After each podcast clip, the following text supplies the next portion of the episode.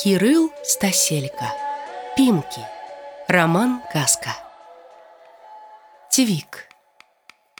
Гэты іржавы цвік мне параіла падабраць маё стор'е. У нашай сям'і заўсёды было прынята слухаць жонку. Так заведзена яшчэ ад Сымона, сына Васіля, бацькі міхала. Аднойчы, на малады месяц, Сымон вяртаўся ад брата.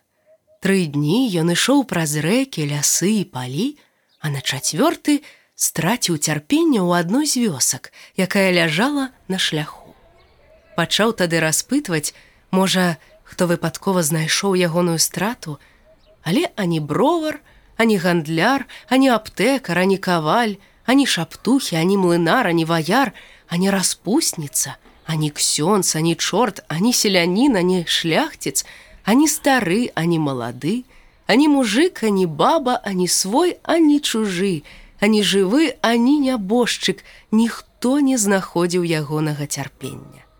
Так і давялося яму без цярпення вярнуцца дадому.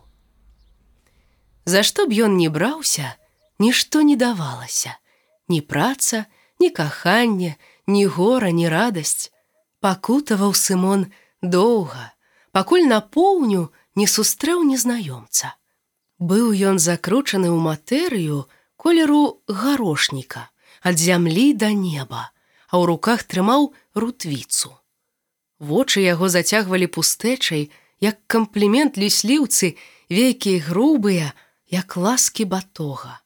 Сымон абмінуў бы яго ды тройчы плюнуў бы праз плячо, калі б незнаёмец не прапанаваў вярнуць яму цярпенне. Для гэтага, сказаў ён Сымону, трэба за тры дні да ветаху прынесці на лысую гару самае дарагое, што ў яго ёсць, пакласці на зямлю, патаптаць нагамі, тады падпаліць і прыгаворваць што-небудзь вельмі гідкае і брыдкае пакуль не дагарыць. Зрабіць усё гэта належыць так, каб ніводная жывая душа не пабачыла. Нічога каштоўнага не меў Сымон, толькі касу жонкі сваёй дужа любіў. Яна была густая, як ноч у лесе, мяккая, як погляд дачкі, доўгая, як піск камара. Яна пахла двадцаццю відамі кветак, што раслі на 15 пагорках, дзевяццю відамі садавіны, што збіралі пяць княскіх дачок, трыма відамі траў, што раслі каля аднаго валуна. Як была спакойная жонка, валасы збіраліся ў касу. Калі злавалася, валасы збіраліся ў жмут на патыліцы. Калі сумавала, то звісалі нізка да продкаў. Як кахалася, то абвінала імі мужа. Гэта бадай найдаражэйшае, што было ў яго. Рабіць не было чаго.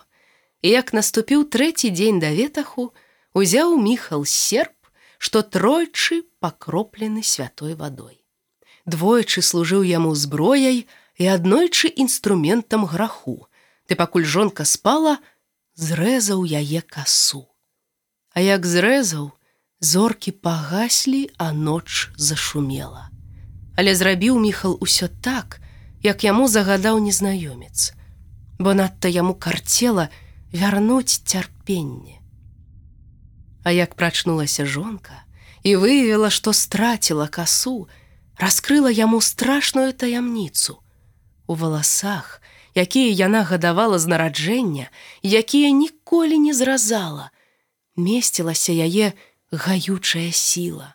Як гэта бывае ў дзяўчат, чые дзевяць пакаленняў продкаў сканалі цырульнікамі і хто нарадзіўся ў перыяд, калі сястра месяца, названая ў гонар багіні кахання, праходзіць між намі і братам Эос. Пазбыўшыся касы, пазбылася і сілы сваёй. А незнаёмцам тым быў сын суседзяў яе бацькоў, які хацеў звязаць яе вузлом яшчэ з дзяцінства. А як не дасталася яму, дык зрабіў, каб не дасталася нікому. Так па сваёй віне Сымон страціў маці сваіх дзяцей на ветах.